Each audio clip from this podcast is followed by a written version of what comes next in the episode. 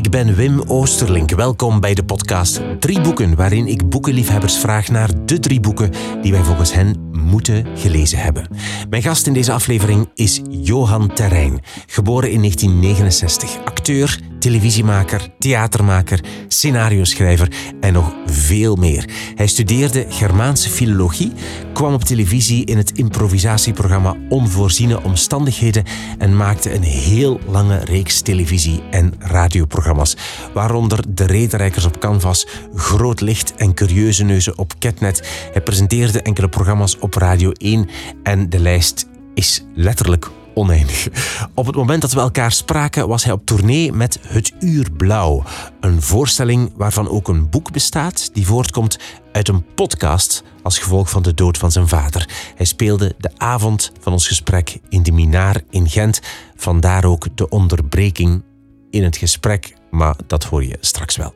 Johan Terrein woont in Antwerpen, al zei hij even dat hij in de verkeerde stad is geboren. We gingen bij hem thuis op de zetel aan het raam zitten. Ons gesprek gaat over boeken lezen, dat hij daar een heel dubbele relatie mee heeft. Over theaterspelen, schrijven en zijn schaamte daarvoor. Over de dood van zijn vader en het rouwproces dat zijn boek en de podcastreeks Het Uur Blauw waren. Over creativiteit, richting geven aan je leven. En hij vertelt waarom zijn boekenkast, waar ik de hele tijd op zat te kijken, op kleur gerangschikt is. Alle boeken en auteurs die je hoort in deze aflevering vind je in een lijstje op de website wimoosterlink.be onder het kopje podcast drie boeken. Dat zijn de show notes bij deze aflevering. Ga zeker even een kijkje nemen. En dan nu, veel luisterplezier met de drie boeken die je moet gelezen hebben, volgens Johan Terrein. Ja, ik heb mezelf al vervloekt hoor. Waarom? Uh, dit is een uh, impulsieve daad Om die, op- die mij, mezelf eigenlijk saboteert. Om ze op kleur te rangschikken. Ja, ja, vroeger stonden die zo wat saai volgens ja, genre of zo. Hè? En eh, ja, de lockdown, hè. De lockdown, veel tijd. Mensen eh, beginnen dan zo in hun huis te prullen. En op een of andere rare dag dacht ik, ah, ik ga die eens op kleur zetten. Want ik had een vriendin vroeger die, die dat ook deed. Maar ja, die was een klein beetje daarop ingesteld, zal ik maar zeggen. Die had een visueel geheugen. En ik totaal niet. Dus ik, ik, heb, ik vond eigenlijk, ik wou, ik wou eigenlijk zoiets door mijn kast gaan om eigenlijk te antwoorden op jou, van doe er mee. Huh? En ik dacht, ja, ik wil even een idee hebben, wat, dit, wat ga ik dan doen? Huh? En ik vond geen enkel boek terug. En dat was echt, ja, ik was een beetje pist eigenlijk maar, mezelf. maar waarom? Want ja, dat ja, ik wist het van in het, in het middagjournaal Ja, bij er van den Houten. geschreven. Heb ik omgeschreven van, dat je dus op kleur, gerangschikt had. Dus ik wist van, ik ga zo... Ey, Tenzij dat het weer veranderd was, maar het is niet veranderd. Je Nee, ziet hier niks veranderd. blauw en dan wit en dan zo het zwart. slaagt ook nergens groen. op, hè, Wim? Exact, exact, dan blijkt dat jij het zegt. Waarom? Wat, wat, wat, wat, wat, wat, wat, allee, wat kruipt er dan in jouw geest dat je zegt, en nu is op kleur? Omdat dat esthetisch mooi is? Of omdat je denkt dat het esthetisch mooi is? Ja, eh, wel, eh, dat is denk ik een initiële reflex van... Ik zal eens iets met die boekenkast doen hier eh, ook. Hè. Weet je, wat vervelend is in een boekenkast, je ziet dat ook. Hè. Je hebt dan zo van die grote boeken, meestal wat kunstboeken, die, die, die passen daar niet in eigenlijk. Dat vind ik al heel vervelend. Dus die liggen dan zo wat plat. Ehm, en bovendien, ja, ik ben hier, zoals aan veel dingen, eh, ik ben een prutser. Hè, dus ik begin aan veel dingen met een soort impuls. Impulsbeslissing. Eh, dus ik kan hier niet echt een goede reden voor geven.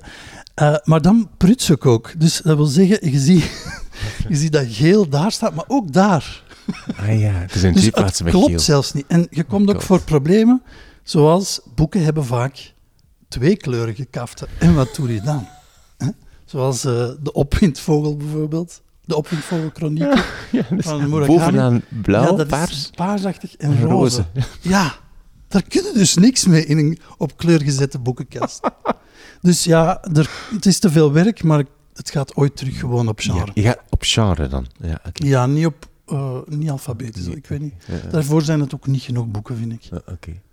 Als je leest, lees je dan hier in de zetel of eh, waar lees je dan? Er zijn drie plekken, misschien vier. Hier in de zetel, gewoon bij de open haard. Ehm, als het goed weer is, in de tuin. eigenlijk vind ik dat nog het leukste buiten lezen. Ook op vakantie en zo. Dat is een beetje die associatie met vakantie. Ik heb daar nog een zetel staan eh, aan mijn bureau. Dus dat is, als het wat werkgerelateerd is, dan, eh, dan plof ik me daarin. Die Zo du duplexje zo, ja. Ja. ja, ja. En dan eh, liggen er ook nog heel veel boeken aan mijn bed.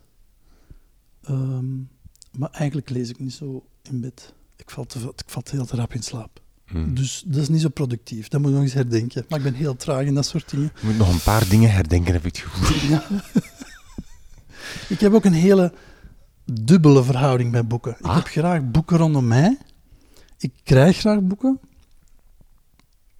Ik kom graag in een boekhandel. Ik heb graag dat mensen tegen mij zeggen: Oh, die een boek moet eens lezen. Maar, ik, Maar? We doen niet. maar de actie van het lezen is een worsteling bij mij. Ja. En dat vindt zijn roots, denk ik, eh, tijdens mijn studies Germaanse filologie, waar we uiteraard verplichte leeslijsten hadden. En ik eigenlijk tegen de klok ben moeten beginnen lezen. En ik heb daar eigenlijk, ik ben daar een beetje op afgeknapt. Je hebt er een beetje een, een digoe van opgedaan. Ik weet nog dat ik Heart of Darkness van Joseph Conrad, een vrij moeilijk boek in het Engels toch, eh, aan het lezen was. En dat ik echt dacht van, ik word gek. Ik ga niet meer lezen. Ma. Maar ja, ik zat midden in mijn Germaans. kon ik zat in eh, tweede kan of zo.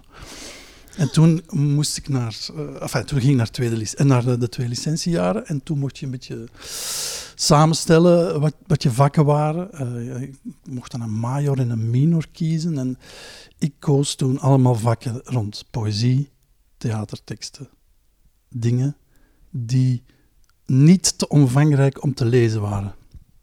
Maar die ook, allee, ook aansloten bij mijn interesse. Hè. Dus- Ja, ja. Maar het ging dus echt over te lange teksten, te veel. Ja, ik ben daar over beginnen nadenken. Ik schaam me er een beetje ook over. Hè. Ik vind een... eh, ja, ik weet dat dat niet hoeft, maar ik ben wel... Ik ben wel een Germanist. Ik weet dat ik afgestudeerd was en dat ik dacht... Oh, nu ga ik de rest van mijn leven moeten doen alsof... Hè, alsof ik hier iets van ken. ik vond het verschrikkelijk. Ik ben nog iets anders gaan studeren, gewoon om dat te vermijden eigenlijk. Om een soort diffuus beeld over mezelf te beginnen creëren. Omdat ik niet wou, nog dat, dat ik degene was die ging zeggen waar de dt-fouten stonden. Hè, dat vond ik al helemaal verschrikkelijk. Ja. Eh, het taalkundige stuk. Nog, nog degene die dan zogezegd ingelezen was. Ik voel me echt nog bleu. En ik, ehm, en ik had die dubbele verhouding met boeken. En maar ik wil niet zeggen dat ik niet van boeken houd. Hè. Ik hou echt van boeken. En ik kan ook echt in een boek vertrekken en daar veel plezier aan beleven. Ja. Alleen, het is en blijft een soort worsteling. Ja, Ja. speciaal. Want dan is het toch wel ook wel ergens bizar of, of speciaal dat je dan toch kiest om Germaanse te gaan doen, als je het taalkundige niet echt... eh, Oh, maar ik ben, ik ben, ik ben... Ik hou van talen. Ja, ja. Dus, dus, maar ik wil niet degene zijn die altijd bezig is over dt-fouten. Dus ik... ik eh, nee, als ik columns schrijf... Het, het, allee, ik, dat, die gaan vaak ook over taal. Taal maakt de wereld. Ik vind taal superbelangrijk. Dus ik ben, ik ben wel een Germanist. Ondertussen. Maar toen voelde ik me niet zo. Ja. En ik heb leren accepteren dat ik niet zo'n grootlezer ben, ja. En ik heb ook eh, eh, wel eens ontdekt dat, bijvoorbeeld, wat heb ik dan wel gedaan? Ik ben eh, veel naar theater beginnen gaan, veel eh, films. En daar krijg je een verhaal, want het gaat natuurlijk altijd over verhalen, in één, in één ruk. Dus je zit in een soort beleving eh, die in één keer doorloopt tot je aan het eind van het verhaal bent. Dat kan je met een roman niet. Enfin, ik, ik toch in elk geval niet. Ik kan niet in één ruk een boek uitlezen. Dus ik moet er elke keer terug in komen. Dus je moet, potverdikken, al een goed boek geschreven hebben om dat met mij te doen, eigenlijk. Ja, erg, hè? Ja, de lat ligt hoog. Ja, de lat ligt hoog. Ik, ik- ja. ik weet niet of de lat zo hoog ligt. Je- je- ik- wat ik bijvoorbeeld doe als ik in een boekhandel ben en ik wil... Ik heb zo niks specifiek waar ik naar op zoek ben. Ja. Dan lees ik eh, geen achterflappen. Want daar staan toch meestal maar eh, zo ja, mensen die iets, eh, iets eh, euforisch zeggen over een boek. Ehm, dus dat is zo wat promo-talk of zo. Maar ik lees altijd de eerste zin. Ah, ja. Om te zien of dat je er... De eerste zin vertelt of er een wereld voor je open gaat of niet. en of je erin wil stappen. En sommige eerste zinnen zijn fantastisch. En dan koop ik echt boeken op basis tot, van schrijvers waar ik nog nooit van gehoord heb. Puur omdat ik denk, wauw, als je zo'n eerste zin kunt maken, ja, Ja, dan wil ik u wel eens dan ga proberen. ik mee met u. Ja, dan ga ik wel eens mee. Amai, Oké, goed. Ben benieuwd. Eh, welke drie boeken eh, kies je? We gaan beginnen bij jouw eerste boek, want ja, zoals ik zei, zoals jij zei, de lat ligt hoog te drukken. Nou, dit moeten dan wel heel goede boeken zijn. Die een, Ja. een verhaal hebben of zo, waar die in meegenomen wordt. Hè? Ik heb, eh, laten we zeggen, ik vond het moeilijk om te kiezen. maar dat, zal, dat zullen al jouw gasten wel zeggen. Ehm, je kan dan kiezen op basis van ik moet iets van dit en iets van dat. Of ik moet een vrouwelijke auteur of weet ik veel. Ik heb echt gekozen ehm, op basis van wat een boek met mij kan doen. En dat is ofwel mij ongelooflijk eh, entertainen. Ofwel ja, mijn blik op de wereld veranderen. Of eh, mijn verbeelding eh, in gang zetten. Dat vind ik eigenlijk de belangrijkste. Of ontroeren. Hè? Dat is zo categorie 4, die zouden bij entertainen kunnen zetten. Dat is je gevoel aanspreken, zeg maar.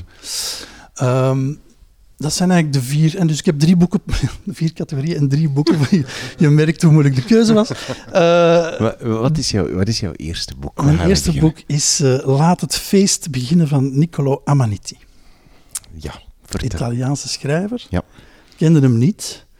Ehm, ik heb hem eigenlijk meegenomen in eh, de, het Gentse winkeltje Books and Booze. Ik weet niet of jou bekend is. Ja, in de hoofdpoort. Waar je, waar je boek en drank op. Ik koop nooit drank, maar Yves, die, die ken ik van vroeger, want die werkte vroeger in, de, in televisie.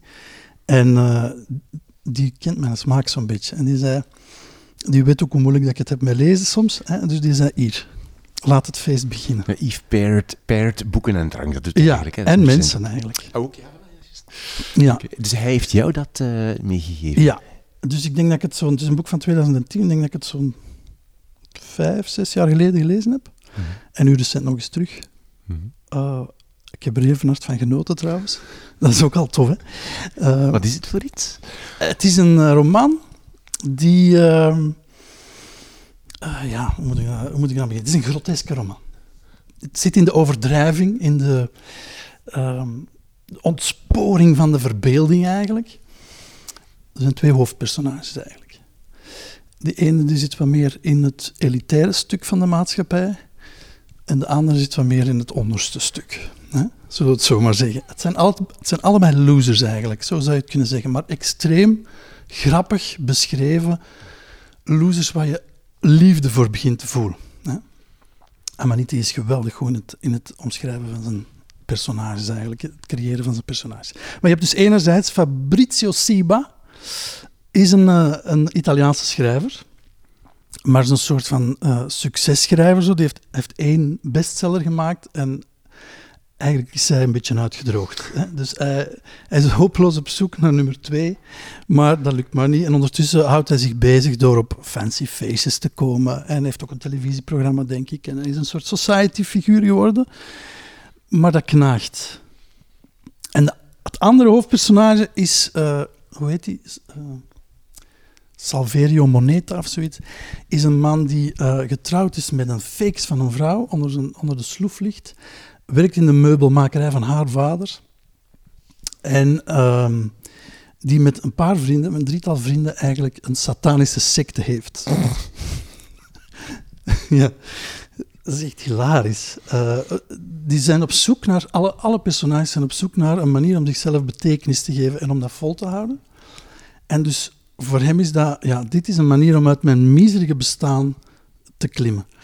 En um, het probleem is, het gaat heel slecht met uh, de, hoe heet ze nu, de beesten van Abaddon, de secte. Goeie naam. Ze zijn nog maar met vier. Uh, er, er, is wel wat volk vertrokken. Uh, en er is twijfel aan zijn leiderschap. Hij is de leider.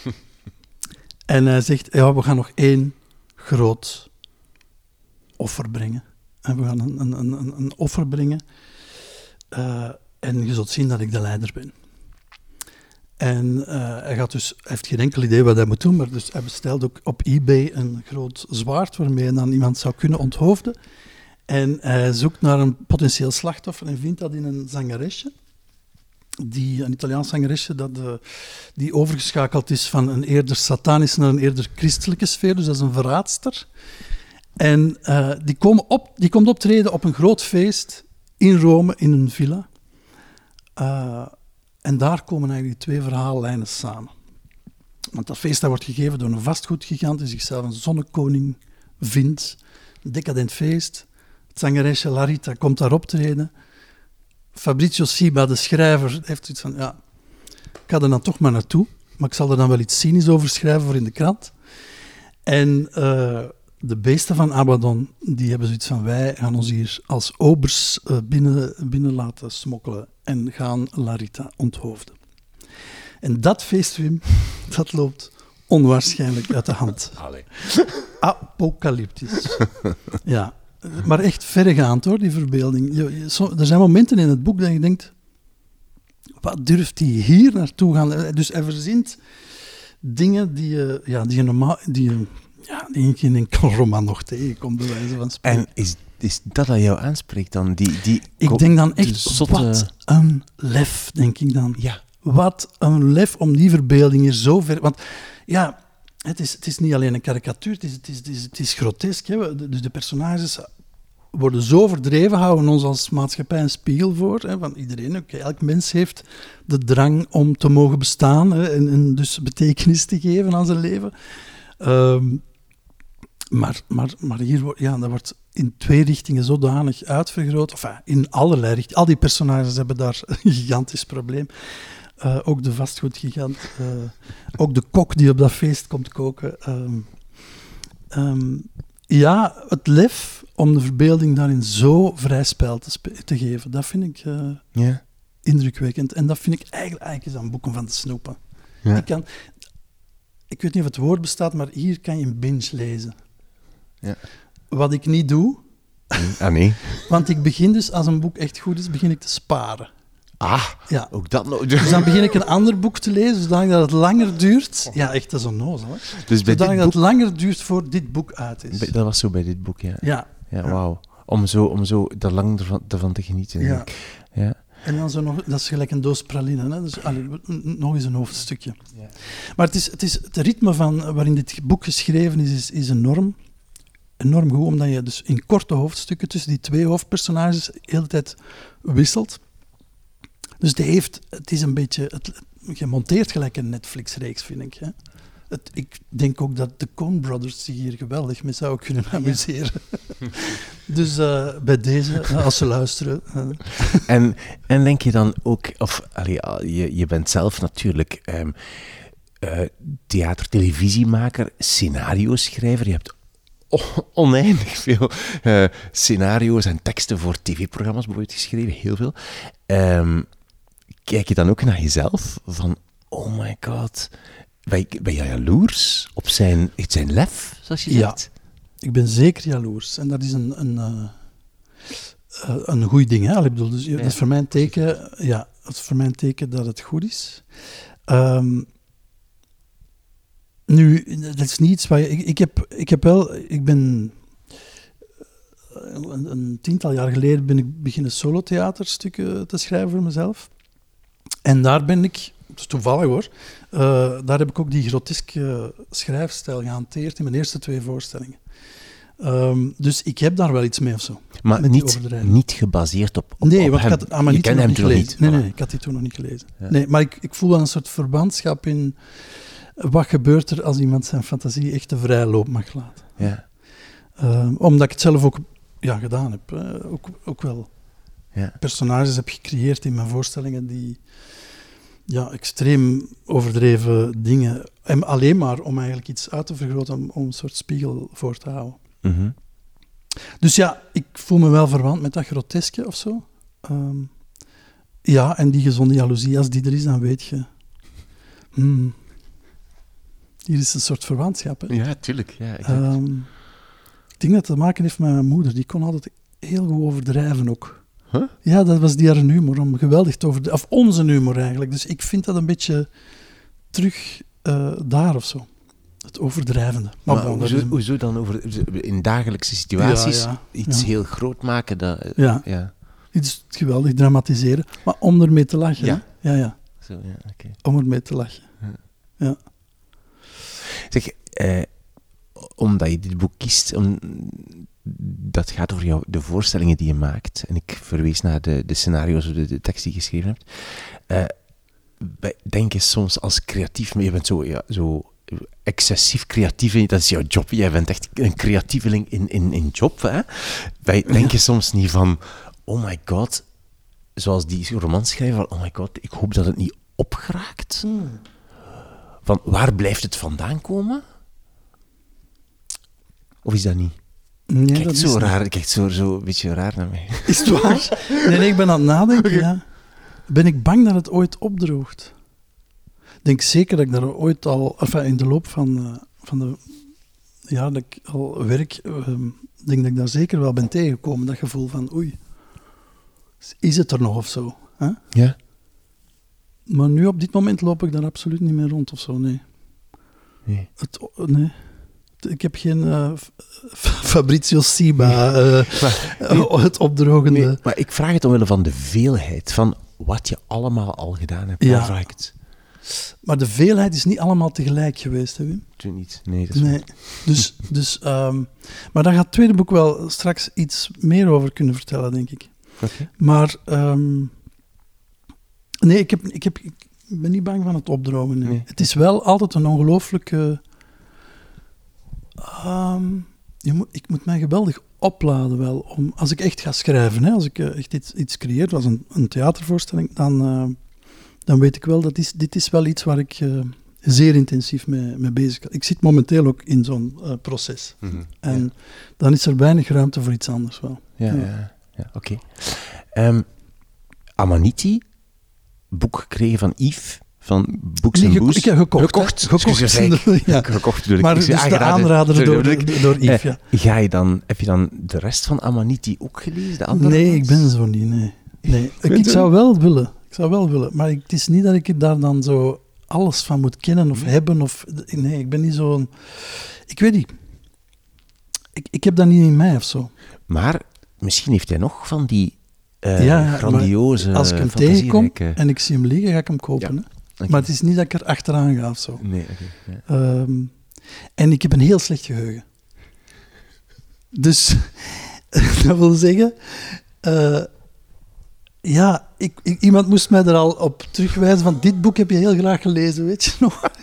Dus dat, dat, dat is verschrikkelijk. Ja. Je weet nog over Dus als dat ik die boek... boekenkast overloop, dan weet ik eigenlijk vooral nog, ja, ik heb hem gelezen of ik heb hem nog niet gelezen. Dat is eigenlijk het voornaamste. Dus om daar nu zo, superveel anekdoten, daarom dat ik die ook heb teruggelezen, Wim, echt waar, ik moet dat dan teruglezen om opnieuw kunnen- enthousiast, ja, ja, ja. dat enthousiasme Ja. te voelen, om dat te kunnen vertellen aan jou. Echt waar. Allee. Anders weet ik er niks meer van. Je weet nog over welk boek we het hadden nu net? Ja, ja, laat het feest beginnen. Maar ik kan dat met films ook hebben. En dat ik denk, wauw, dit was echt een meesterlijk goede film. En twee weken later denk ik, waar ging dat over? Ik weet het niet. Ja, ja, ja. Dus mijn, iemand zei eh, onlangs tegen mij, jouw verhalenschuifje is vol. Wat? hè? Een Jouw verhaal? verhaalgeheugen is vol. Ehm, ja, dat is flauwekul natuurlijk. Maar eh, ja, ik heb daar last van, ja. Ik vind dat wel jammer. Ik zou, ik zou, ik zou een anekdotischer geheugen willen hebben. Ja, ja, dat je beter die dingen kunt Ja, onthouden. dat ik dan beter kan onthouden en, en ook langs de neus weg. Hè, zou ik kunnen heel goed Drie boeken, natuurlijk Wim. Eh, ten eerste. Blablabla. Nee, nee, dat is niet het geval. Oké, goed. Eh eerste boek, Nicolo Amaniti met Laat het feest beginnen. Wat is jouw tweede boek? Toevallig ook een Italiaanse auteur. Alessandro Barrico, De Barbaren. Ja, wat is dat? Dat is een bijzonder boek hoor.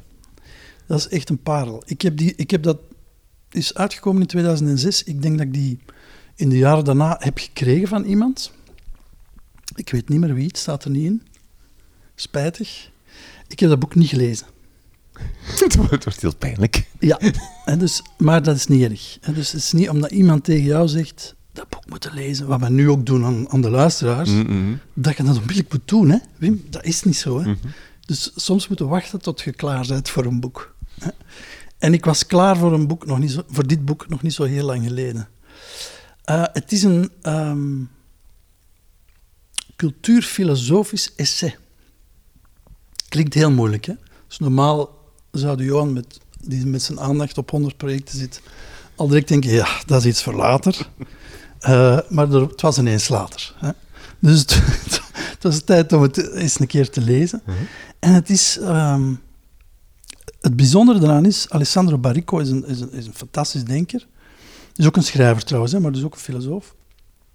Um, hij heeft dit geschreven in episodes voor de krant La Repubblica. Um, als een soort van experiment. Ik ga uh, iets schrijven over cultuurverloedering en de angst die wij hebben dat onze beschaving ten onder gaat. Maar ik doe dat door elke dag iets in de krant te schrijven. En dat dan is dan later een boek geworden. Het was een soort van live experiment. En we een soort feuilleton maken, maar dan met filosofisch essay. Vind ik al heel moedig, hè? Vind ik al fantastisch. Nou. Ja. Ik, ik, ik, ik kan het ook nauwelijks geloven, het is geniaal geschreven, denk ik. Als dit gewoon on the spot elke dag een aflevering, ja, dan hebben we het echt wel met een geniale denker te maken. Mm -hmm. Dus uh, waar gaat het over? Het gaat over um, wat ik al zei, het gevoel dat ons wel eens kan overvallen van waar gaat het naartoe met onze beschaving. Het idee dat er een soort van apocalyps aankomt, wat in de verbeelding van Amaniti uh, echt gebeurt, maar dat, dat, dat we overvallen dat we een soort van dorp zijn met, met, met beschaving en dat we ons moeten verdedigen tegen de barbaren. Dat is de metafoor die hij heel een tijd uh, gebruikt, dat is ook, daarom ook de titel.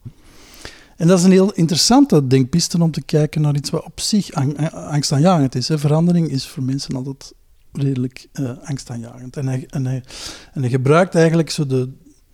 Hij zegt, kijk, dat is een oud denkkader dat ons hier brengt. Dat is het denkkader van de gegoede burgerij uit de 19e eeuw. Wat hadden die? Die hadden veel tijd, die hadden veel privileges. Dus die konden zich permitteren om met veel diepgang uh, zich in iets in te werken veel uh, uh, inspanning ook. En daar vonden ze dan de betekenis van het leven. Als ze maar lang genoeg zich inwerkten op uh, wat, beeldhouwkunst, muziek, whatever, dan, dan vonden ze de betekenis. En dan mm. kregen ze zelf ook betekenis en aanzien, mm -hmm. want dan waren ze daarin geslaagd. En, maar dat is een oud denkkader. Um, ondertussen is dat eigenlijk is de betekenis van het leven volgens Barrico verlegd van kennis naar ervaring, naar beleving. Moderne mensen, veel meer dan vroeger, veel meer dan de, in elk geval dan de 19e eeuwse burgerij, willen ook toegang tot, tot, tot dat soort dingen, tot cultuur. Maar vinden het niet meer de moeite of krijgen niet meer zoveel aanzien door helemaal die diepte in te gaan.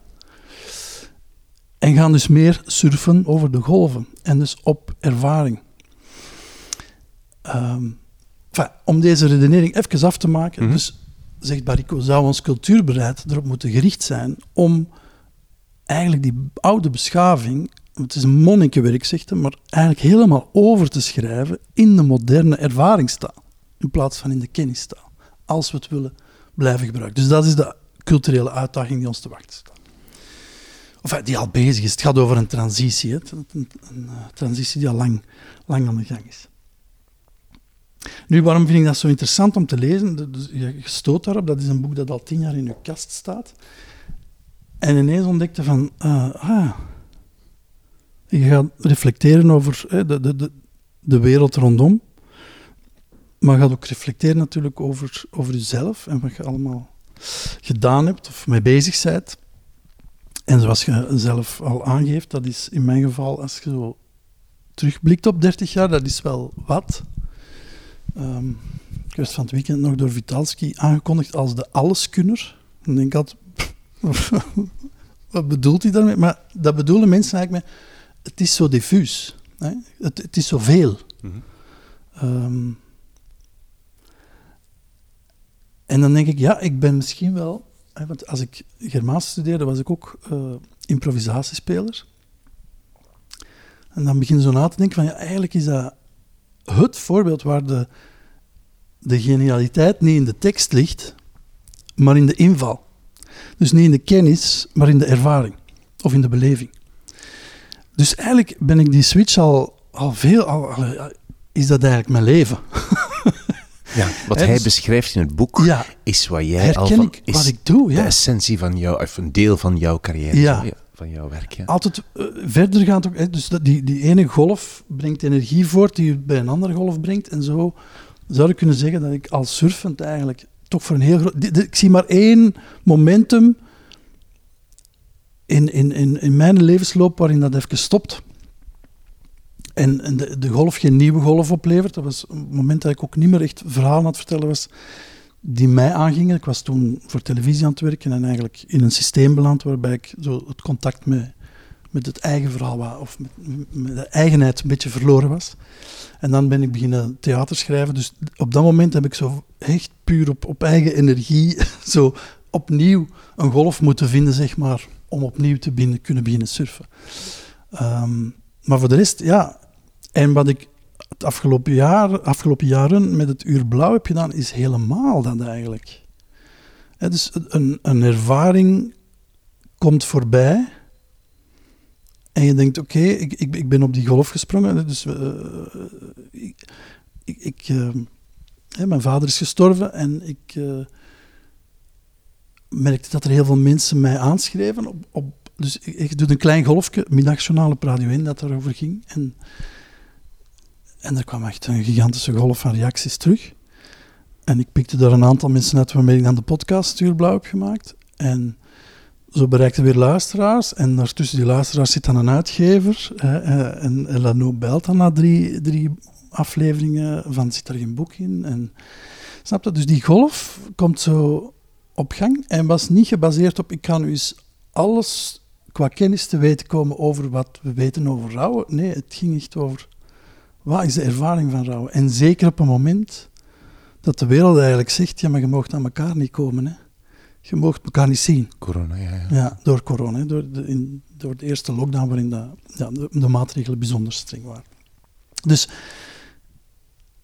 ja, ik herken dan na het lezen van zo'n boek eh, iets, ja, iets over de werkwijze, of hoe, over hoe ik in elkaar zit. Daar zit ook een beetje die schaamte in over eh, germanist zijn en weinig boeken lezen. Hè. Wel, dat, dat, je zegt van... eh, ja, goh, dat is een soort... Een, dat je niet tot op de bodem de kennis uitgediept hebt. Dat is een beetje wat je zegt, hè, toch? Ja, maar ik kan, dat, ik kan dat nog wel. Hè. Dus ik kan wel tot op de bodem gaan, want ik heb dat geleerd namelijk Ja, op de universiteit. Ik kan dat wel, ik doe dat alleen niet vaak. niet. Maar als de ervaring mij brengt naar dat punt dat ik denk, ah, hier is de moeite, dat zegt Barik ook. Hè. Het gaat over wanneer is de inspanning hè, de moeite. We hebben eigenlijk een nieuwe taal ontwikkeld die, die, die, gaat over, ja, wij zijn eigenlijk heel snel geworden in het leggen van associaties. Hè. Dus hoe groter dat uw kennis is van alles, hoe makkelijker dat je associaties legt. En dat is eigenlijk een rijkdom. En die kan u wel tot punten brengen dat je zegt, ah, nu ga ik hier in de... Want dat interesseert mij. Nu ga ik hierover in de diepte. Dus ik heb wel die twee eh, mechanismes of zo in mij zitten, maar dit boek slaagt er ook in om mij een beetje te verlossen van een soort schaamte rond. Ik ben Germanist en ik heb eigenlijk niet zo gigantisch veel boeken in mijn leven gelezen, bijvoorbeeld. Ja, ja, Maar dat hoeft ook niet. ja. Nu, nu ik dat weet en nu ik weet dat oké, mijn systeem eigenlijk behoort tot een transitie die, zich, die hoe dan ook plaatsvindt. We, gaan dat, we gaan dat niet meer veranderen. Eh, We hebben die technologie uitgevonden bijvoorbeeld, die ons die snelheid verschaft. En eh, ja, het is door de genialiteit van onze intelligentie dat we dat ook kunnen. Dus dat wordt, dat wordt de nieuwe wereld, dat wordt de nieuwe cultuurwereld. Ja. Ik kan nog iets vragen. Ik kan even terugkomen op iets, omdat ik ga een vraag Ja. opnieuw stellen, omdat ik het nog niet helemaal door heb. Ehm, hoe link je die barbaren met wat je nu zegt? Dat heb ik nog niet helemaal goed begrepen. Wie zijn dan de barbaren in dit verhaal? Maar de barbaren zijn een deel van een metafoor. Hè? ja, ja. Eigenlijk is de barbaar, dat zegt hij op het einde, dat zijn wij allemaal. Hè? Ja. De moderne mens. Die niet meer in de diepte gaan, maar associatief Ja, wij zijn mensen die eerder TED-talks zullen beluisteren dan een boek helemaal uitlezen. Of, hè, dus je, of eerder fragmenten dan het, dan het geheel tot zich nemen. Om eigenlijk zoveel mogelijk van de ervaring uit te proberen, te proeven en te zien welke golf ons interessant lijkt om er even over verder te surfen. Dat is hoe de moderne mens in elkaar zit. En dat is helemaal niet erg. Mhm. Dat is helemaal niet erg. Alleen moeten we zorgen dat alle kennis niet verloren gaat. Mhm. Dus het is, het is aan, aan- aan cultuurmakers om te zorgen dat die kennis vertaald wordt naar die nieuwe taal. Ik denk dat dat, allee, dat is denk ik de kern van zijn boodschap. Ja. Eh, en, en in Italië, waar men vooral bezig is met cultuur, is daar toch vooral het, het, het redden van oude stenen, bij wijze van spreken. Ja, is dat wel een inzicht. Maar het is niet zo. Ik vind gek dat Barrico niet zo'n eh, denker is die vaker wordt geciteerd. Hij heeft, heeft een paar jaar geleden Elite en Volk geschreven, een essay over, over populisme. Over hoe, en daar de kern van zijn betoog is eigenlijk, ja, elite en volk, eh, beste elite, u laat het afweten. Hè. Zijn de meneer dokter, meneer de universiteitsprofessor, meneer de succesvol artiest, meneer de schrijver. eh, u doet niet meer wat eigenlijk de afspraak was. Namelijk, uw kennis, het, voor, het voorrecht dat jij hebt om, om wat meer te weten, inzetten voor eh, de mensen die dat niet hebben. Dat doet jij niet meer. Hè. Je bent bezig met je eigen succes te verwezenlijken, dat wel. En dus het volk is daar, dat is zijn, zijn visie, het volk is daar afgehaakt. Dus ik vind dat een zeer interessante denkpiste, want dat gaat niet over, wat is, is dat nu waar of niet? Hè? Dat is Mhm. gewoon iemand die zegt, ik zet me even in een helikopter, ik ga eens kijken wat hier nu eigenlijk aan bewegingen allemaal aan de hand is. En Ja, dat vind ik razend boeiend. ja. Ja. Heb je dat nodig? Wat je zei van, ik moet zo...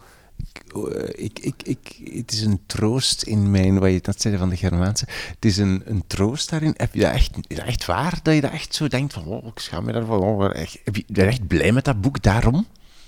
Maar niet daarom, daarom. Hè. Ik bedoel, dat is, ik, eh, uit het eerste boek mag blijken dat ik graag de overdrijving hanteer. Hè. maar eh, het klopt wel ergens hoor, Nee, natuurlijk. Het makes sense. Dat is wat ik tijdens het lezen denk. Ja, je voelt dat, ja. Ja, en voel. Ja. Ja, ja, ja, ja. Dus ah, is dat nu waar? Ik bedoel, ik heb me niet mijn leven lang geschaamd over het feit... Ik bedoel, ik lees ook wel boeken, hè, maar niet zoveel als betaamd is. Ja, ja, ja, ja, ja, ja, ja. En hij legt uit waarom en, Ja. en, en Ja. hoe dat past binnen het huidige, als het ware, leven of huidige culturele landschap. Ja. Of hoe dat kan, ja, inderdaad. Het is echt een, een aanrader. Het is een boek dat je, en ik denk dat je het op honderd verschillende manieren kan, kan lezen ook. Ik denk dat, allee, enfin, ik vind het een aanrader. Ja, oké, goed. Ehm, jouw tweede boek, Alessandro Barrico, De Barbaren. Ja. We gaan naar jouw derde boek. Wat is jouw derde boek? Dat is dan weer een dunnetje Mhm, en daar staat beeld in. mhm. Het is een beeldboek eh, en dat is Er zit een hond in u van Randal Kazar. Mhm. Vertel eens. Eh, ja. Dat is een prachtig boek van een prachtige mens ook. Ik werk samen met Randal, dat ga ik er meteen bij vertellen. Dus eh, Randal eh, zit voor mijn voorstellingen. Heeft ook bijvoorbeeld mijn boek geïllustreerd. Ehm, is dus een, ook een alleskunner. Ja, dus is, eh, je vertelt, het, het, je bedoelt het boek van ehm, het, Van het Uur Uur Blauw, van ja, de podcast en van enfin, waar, we het over, het over hadden. Dat boek heeft hij geïllustreerd. Hè? Ja. En, de- en dit is eigenlijk een eigen boek van hem. Hè? Dit is een eigen boek van hem. Er zit een hond in u. Dat is een, een, een, ehm, een serie cartoons, zou je kunnen zeggen. Ehm, waarin eh, twee figuren telkens tegenover elkaar zitten. En dat is enerzijds een soort van therapeutachtige figuur. Het wordt niet gedefinieerd, maar het is een man met een hondenkop. En die heeft telkens iemand anders voor zich zitten, in de stoel tegenover hem. En eh, dat is dan zogezegd de klant, hè, denk je dan, of de patiënt. En ehm, de eerste zin van het betoog van de therapeut is altijd: er zit een hond in u. Ja, ik, dit is een boek dat ik heb gekozen omdat het geweldig op de verbeelding speelt. Dat vind ik eh, eh, speelt. Dat vind ik. ehm, dit kan je honderd keer lezen en, en je honderd keer amuseren. Dat, is, dat vind ik fantastisch. Ehm, je begint altijd, eigenlijk, je blik begint bovenaan. Ik ga er eens eentje lezen. Hè. Ehm, dus de, de man met de hondenkop zegt: Er zit een hond in u, een dikke Rottweiler. Hij is na zeven jaar nog altijd kwaad op uw ex. Dan zegt de tegenovergestelde figuur: Dat is prima zo. Hij mag kwaad blijven zolang hij wil. natuurlijk, zegt de man met de hondenkop, maar onder de dikke Rottweiler zitten drie puppies geplet. Twee ervan zijn al gestikt en aan het rotten, dus het stinkt een beetje. Zegt die andere, fuck, ik wist het. Allemaal de schuld van die trut. Dat is toch heerlijk, hè? En eh, dus je, je zakt eigenlijk met een blik de tekst af en, en eigenlijk zie je pas helemaal op het einde eh, wie daar zo zit. Zie je dat beeld Het figuurtje. van, hè, de- ja, van dat figuurtje. Ja, inderdaad. Ja. Ja, dat, dat is altijd, en dat is ook altijd, daar zit altijd nog wel een soort van, ja, apotheose in of zo. Hè? Mhm, mhm. En dan, dat, dat doet hij op de rechterkant van, van de pagina's. En aan de linkerkant doet hij iets helemaal anders. Daar spreekt hij als schrijver tegen u. En probeert hij met uw voeten te spelen eigenlijk. Probeert hij eigenlijk uw weerstand tegenover de metafoor van er zit een hond in u. Hm. Ja, de meeste mensen zullen denken, zit helemaal geen hond in mij? Hè? Die worden al ambetant van. Wel, daar spreekt hij tegen. Hè? Dus ik ga dat Hoezo? ook eens even Ja, overlopen. ja. Dus het begint als volgt. Ja, dat is even mijn technieken, die grief komt al. Ja, maar zo doe doe- doe- doe- Ja? doe- doe- doe- doe- Er zijn mensen met een camionet en Johan geeft die spullen, bijvoorbeeld net een zwart hemd, en die laden dat in de camionet.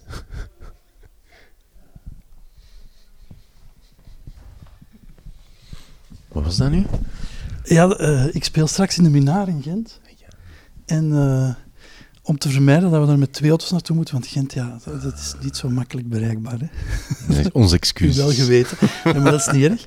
Maar dus ik besloot vanochtend om... eh, om te- ah nee, ik, ik parkeer mij buiten Gent en ga dan met een plooifietsje.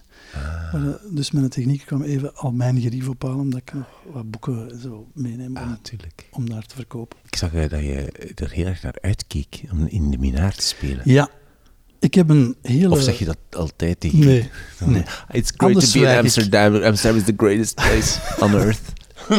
Ah ja, misschien moet je dat wat vaker doen. Werkt. Nee, maar ik heb echt een, eh, een band met Gent. Ja. Ik ben, eh, ik ben eh, in, in de verkeerde stad geboren.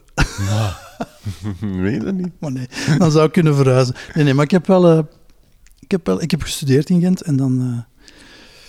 ja, ik ben er ik, op een of andere manier... ja, ik ben super blij. Ik heb ook eh, in het speeltheater toen kopieterij eh, gespeeld. Enfin, ik heb er veel vrienden wonen. Ik ben altijd blij. En nu is het de eerste keer in de Minaar. En ik vind dat toch een soort momentum. Ja, snap ik. Ja, en die zit vol vanavond voor zo'n voorstelling over rouwen. Dan denk ik ook, wauw. Ja, Eh, ja. geweldig. ja, dus ik, dat is absoluut, kijk daar geweldig naar uit. Ja. Oké, goed. Maar we gaan terug naar je boek, want je was aan, Terug naar het boek, ik aan was het aan het vertellen van eh Randal Kazar.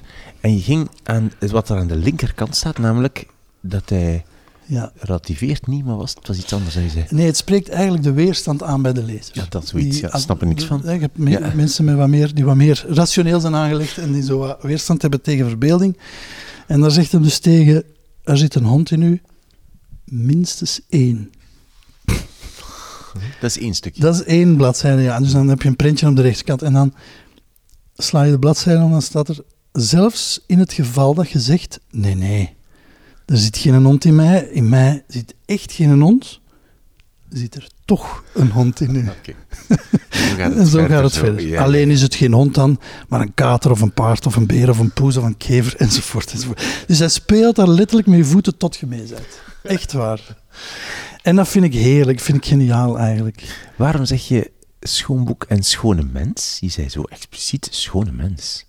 Ja, wij zijn mensen die elkaar. eh, dat is niet altijd zo evident op latere leeftijd, maar soms komt er zo hè, iemand tegen dat je merkt: oh, wij zitten helemaal. Wij zijn totaal verschillende mensen, maar we zitten wel helemaal op dezelfde golflengte.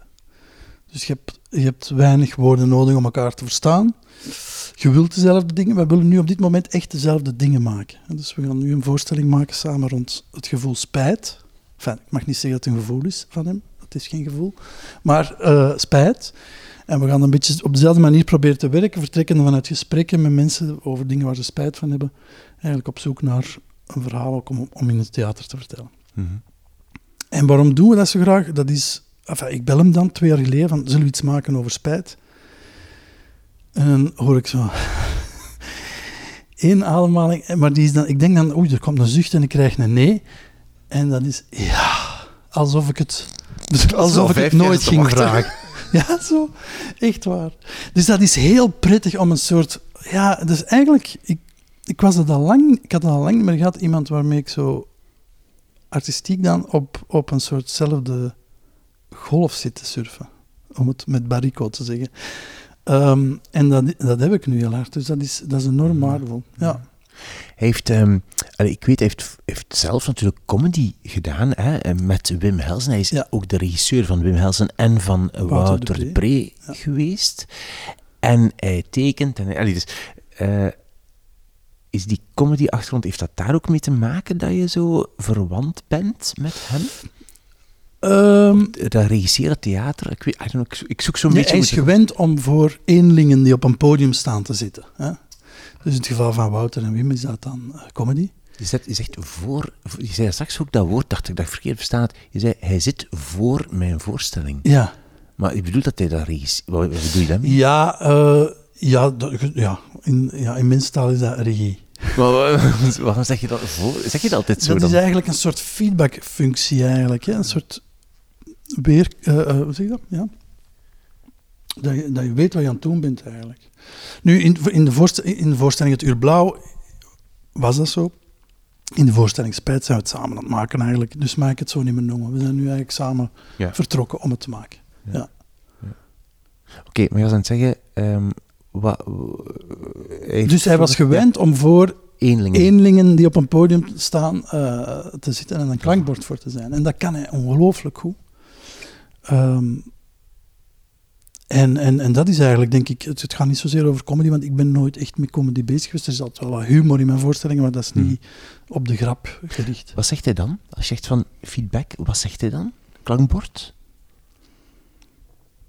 Ja, dat is heel verschillend natuurlijk. Hè. Maar geef eens een voorbeeld. Ik, kan me, ik probeer me dat voor te stellen. Je moet je voorstellen, bij het Uur Blauw... ehm, hè, dus ik had die, ik had die periode van, van, van, van 12 gesprekken die, die, die ik ontiegelijk vroeg op de dag heb opgenomen.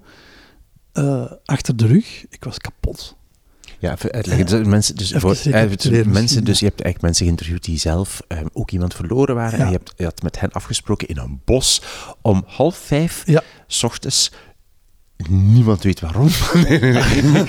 waarom eigenlijk? Waarom? Om een momentum te creëren, hè? Om, eh, om, een soort, om er een soort ritueel van te maken. Ah ja. Ja. En dat kon niet s'avonds of zo gewoon. Ehm, dat is een bijzonder symbolisch moment. Ja, de, de, in mijn verbeelding eh, is de triestigheid van wat er gebeurd is verbonden aan het pikken donker. En moet iedereen toch desondanks aan een nieuwe dag beginnen.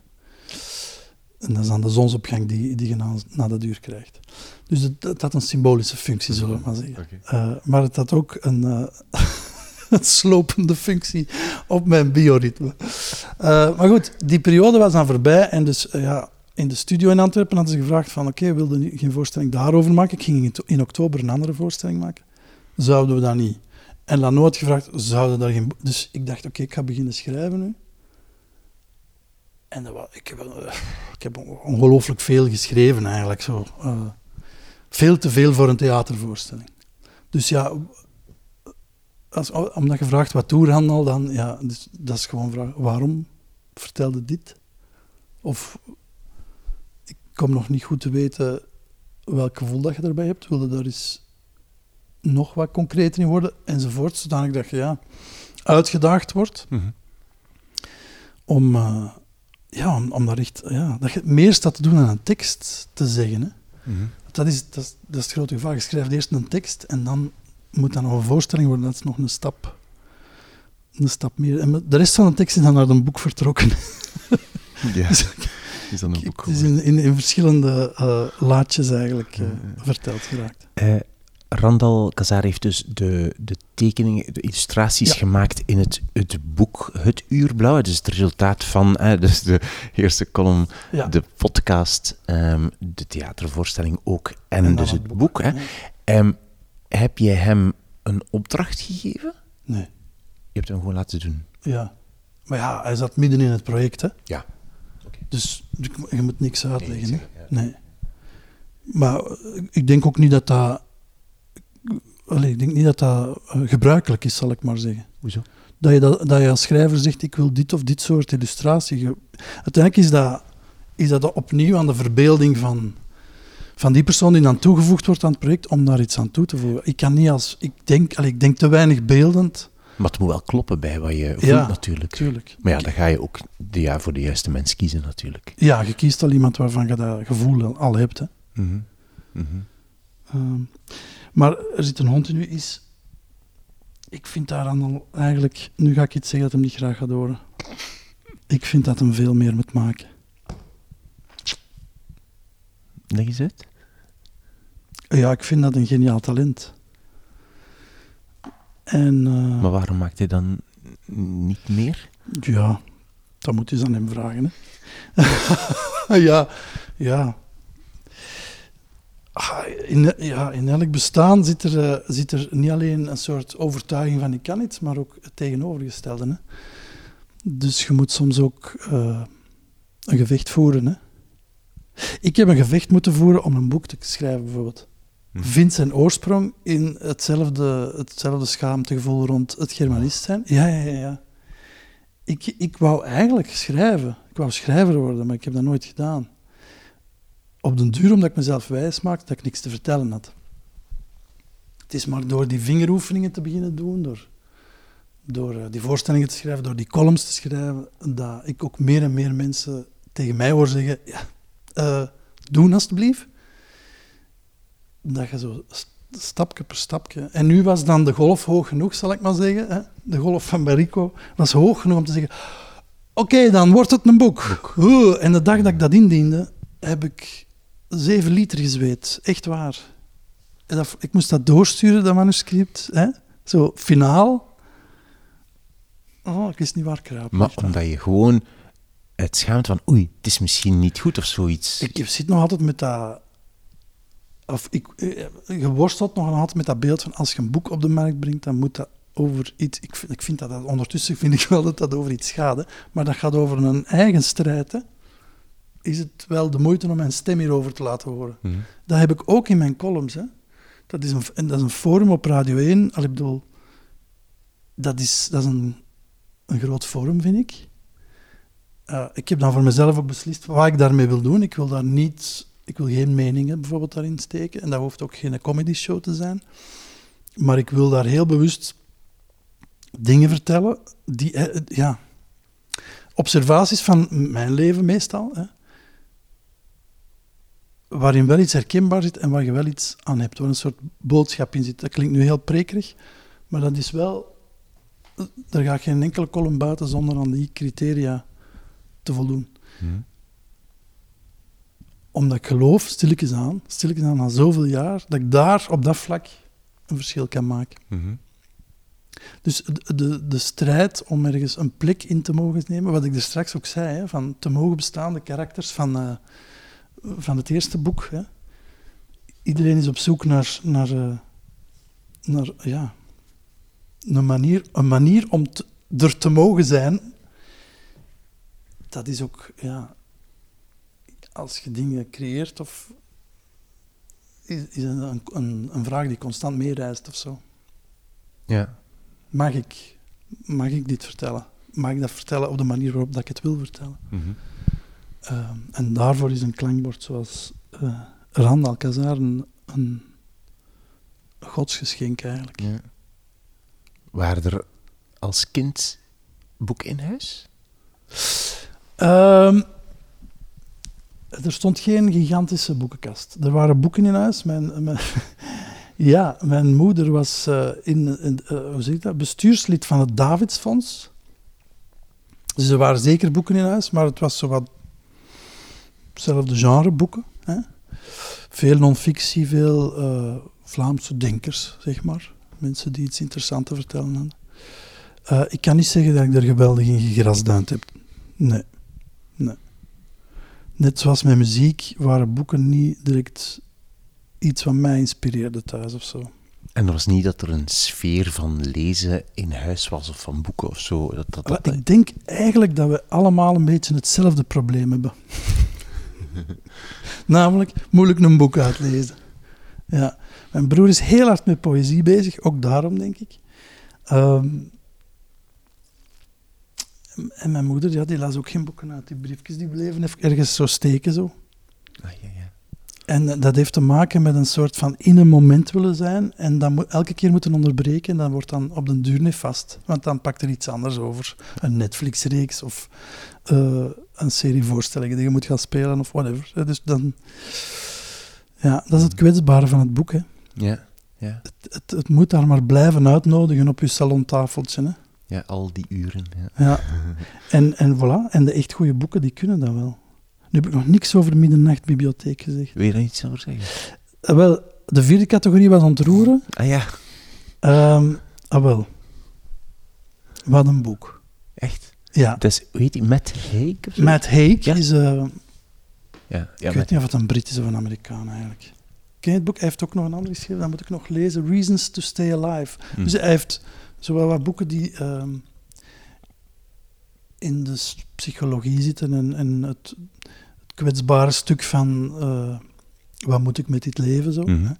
En Middernachtbibliotheek is eh, leest als een trein. Is, is, ach, dit wordt verfilmd, sowieso.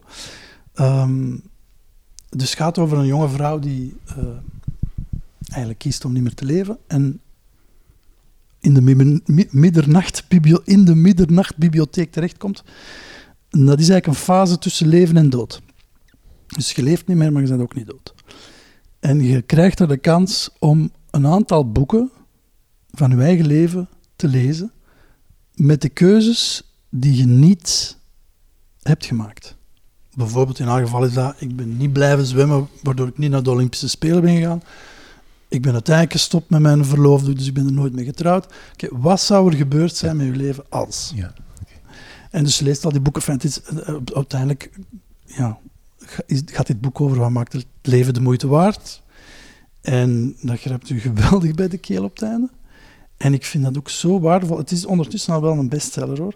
En ik vind dat zo waardevol dat dat, ja, dat, dat soort boeken bestaan. Mhm.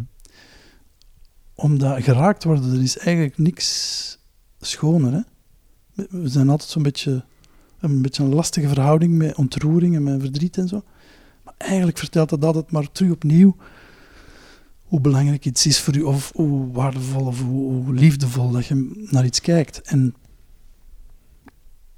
dat te doen in zo'n roman over zo'n gevoelig thema, dat vind ik meesterlijk. Daar heb ik echt diepste respect voor. Mhm. En het is zo bevattelijk geschreven. Je, je kunt het onmiddellijk van 7 tot 77 lezen, bij wijze van spreken. Mhm. Dus ja, dat vind ik, dat vind ik geweldig knap. Dus ontroering. Mhm. Ik heb nog een vraag. Ehm, even terug nog naar het Uur Blauw. En, het heeft ook met dit te maken. Hè. Het Uur Blauw, heel het project, want het is een echt een enorm project toch, eigenlijk mag ik wel zeggen. Het Uur Blauw. Ehm, heeft dat geholpen? Want natuurlijk is het begonnen met de dood van jouw vader. Hè? Heeft, wat is het effect op jou van dat project? In zin van, heeft jou dat geholpen als rouwproces? Was dat, slash is dat het rouwproces?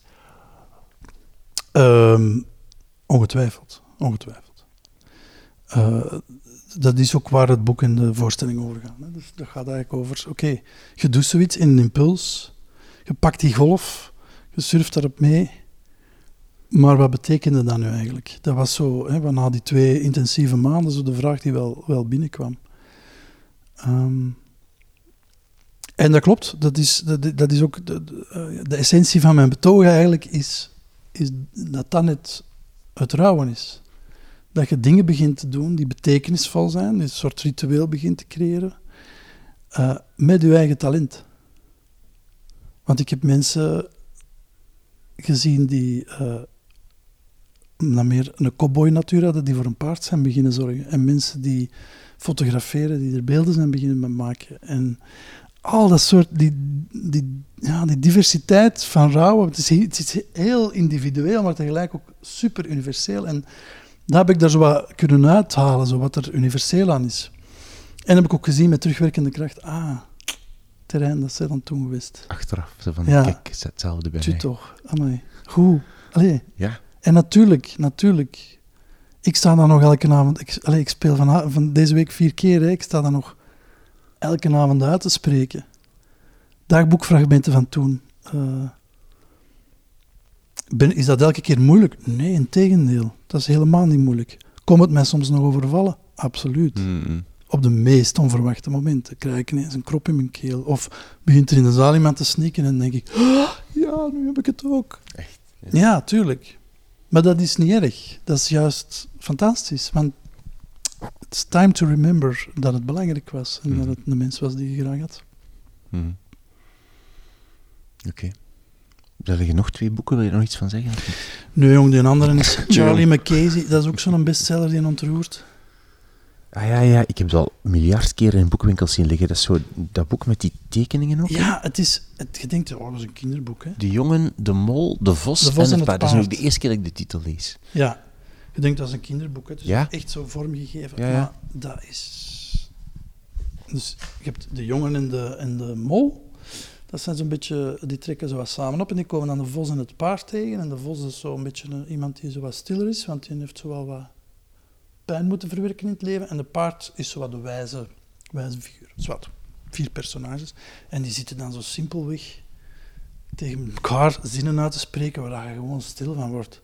Hier. Een van onze grootste vrijheden is hoe we op dingen reageren. En je zit op je toilet, hè, want daar liggen dat soort boeken meestal. En je denkt, "Wauw, lees ik dit in een kinderboek? Dat is gewoon essentie. Alles wat u overkomt in het leven, ja, veel daarvan is misschien niet zo heel leuk. Maar je hebt nog altijd je vrijheid om zelf te kiezen hoe je reageert. Gaat iemand van u weg, verraadt iemand u, dan kun je zeggen, ja, auw, je doet mij pijn. Of je kunt zeggen, dit is pijnlijk, maar ik hoop dat je het beste tegenkomt. Of vindt wat dat je moet hebben. Of, en dat tweede, dat, doe, ik bedoel, dat, dat, is, uw- dat is uw keuze. Daarin schu- schuilt uw levenskeuze. Mhm. Ben ik een slachtoffer of ben ik, eh, of ben ik aan het stuur? Ja. Enfin, d- dat is een boek, ja, goed dat dat ook al zo fel en verspreid is geraakt. Dat, is, dat, is- dat zijn boeken die mensen moeten hebben. Hè. Die, drie, die drie boeken van mij, oké, heel plezierig en interessant. Maar ja, zo, ik, ik voel wel dat er een nood is in onze samenleving dat mensen een beetje geraakt moeten worden. Want elke keer als ze geraakt worden, worden ze terug een beetje verbonden met hun eigen essentie. Dat is, ja, Oké. dat is nodig. Wil jij jouw drie boeken nog eens herhalen? Ja. Wat was het eerste? Laat het feest beginnen van eh Niccolo Amaniti. Twee. De Barbaren van Alessandro Baricco. En drie. Er zit een hond in u van Randall Kazar. Veel succes in Gent vanavond. Ja. De winnaar. Kijk er geweldig naar uit. Oké, en dankjewel voor jouw drie boeken. Dit was mijn gesprek met Johan Terrein. Na onze babbel zei hij een beetje beduust, misschien een groot woord, dat er toch gelijkenissen tussen zijn boeken zijn, draden die door ons gesprek liepen, waarvan hij zich op voorhand, toen hij de boeken koos, niet bewust was. Hm. Alle auteurs en boeken die we noemen in deze aflevering vind je in een lijstje op de website wimoosterlink.be, de show notes bij deze aflevering, onder het kopje podcast drie boeken. Daar vind je ook een foto van de befaamde boekenkast en daar vind je ook alle andere afleveringen van deze podcast terug. Laat vandaag of morgen aan een vriend of vriendin weten dat ze ook eens naar deze aflevering moet luisteren of naar een andere aflevering van deze podcast. Daarmee help je om drie boeken te verspreiden en je doet mij daar een groot plezier mee. Ik ben Wim Oosterlink. Dit is de podcast Drie Boeken. Dankjewel voor het luisteren en voor het delen. En tot de volgende keer.